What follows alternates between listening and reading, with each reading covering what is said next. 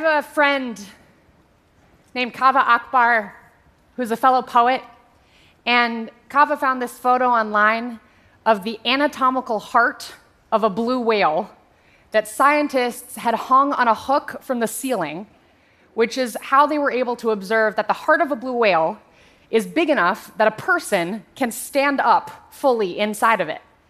And when Kaveh shared this photo online, he did so with the caption This is another reminder that the universe has already written the poem you were planning on writing. And when I first saw that, I was horrified. I was like, come on, man.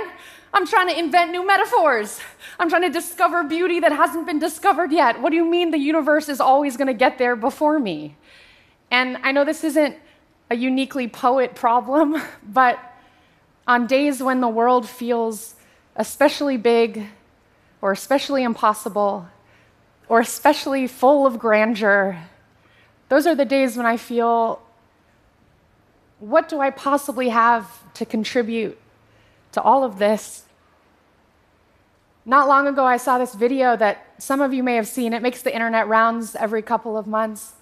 There are these birds that are called starlings, and they fly in what's called a murmuration, which is generally just a big cloud of birds. And someone happened to catch a quick video on their phone of these starlings flying. And at first, it's just an amorphous blob.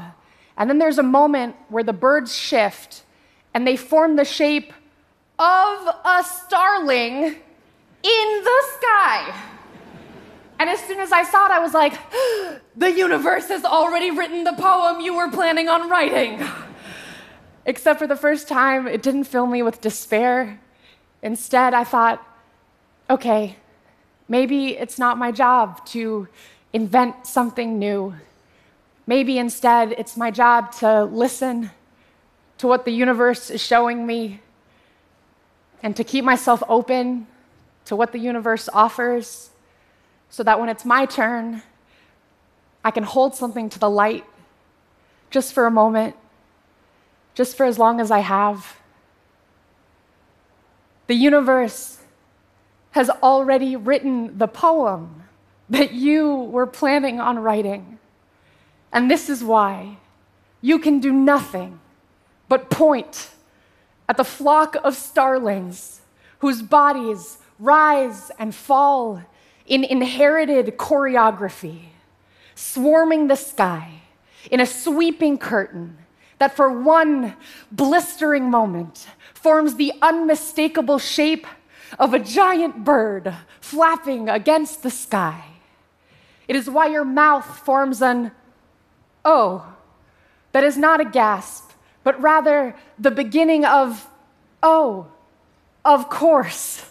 As in, of course, the heart of a blue whale is as large as a house, with chambers tall enough to fit a person standing.